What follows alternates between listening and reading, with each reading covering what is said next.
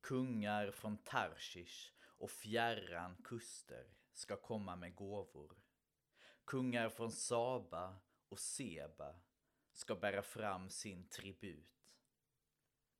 Honom ska alla kungar hylla, alla folk ska tjäna honom. Han räddar den fattige som ropar, den arme som ingen hjälper. Han förbarmar sig över de svaga och fattiga, räddar de fattigas liv. Han befriar dem från våld och förtryck.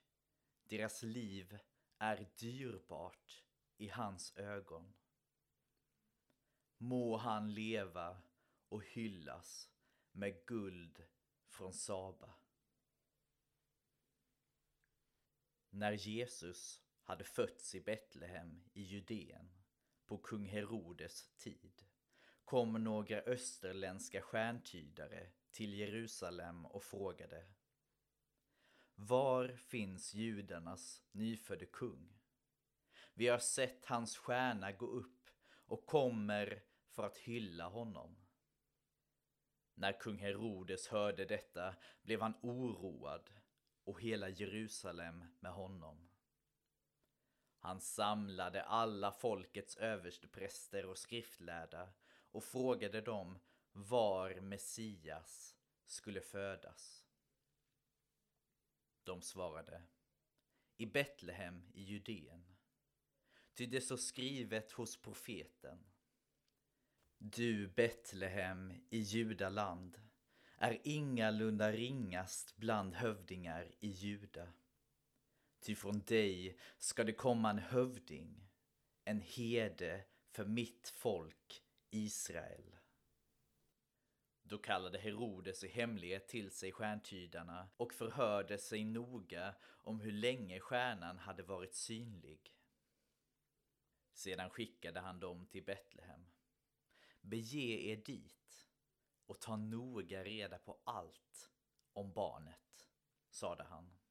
Och underrätta mig när ni har hittat honom, så att också jag kan komma dit och hylla honom. Efter att ha lyssnat till kungen gav de sig iväg. Och stjärnan som de hade sett gå upp gick före dem tills den slutligen stannade över den plats där barnet var.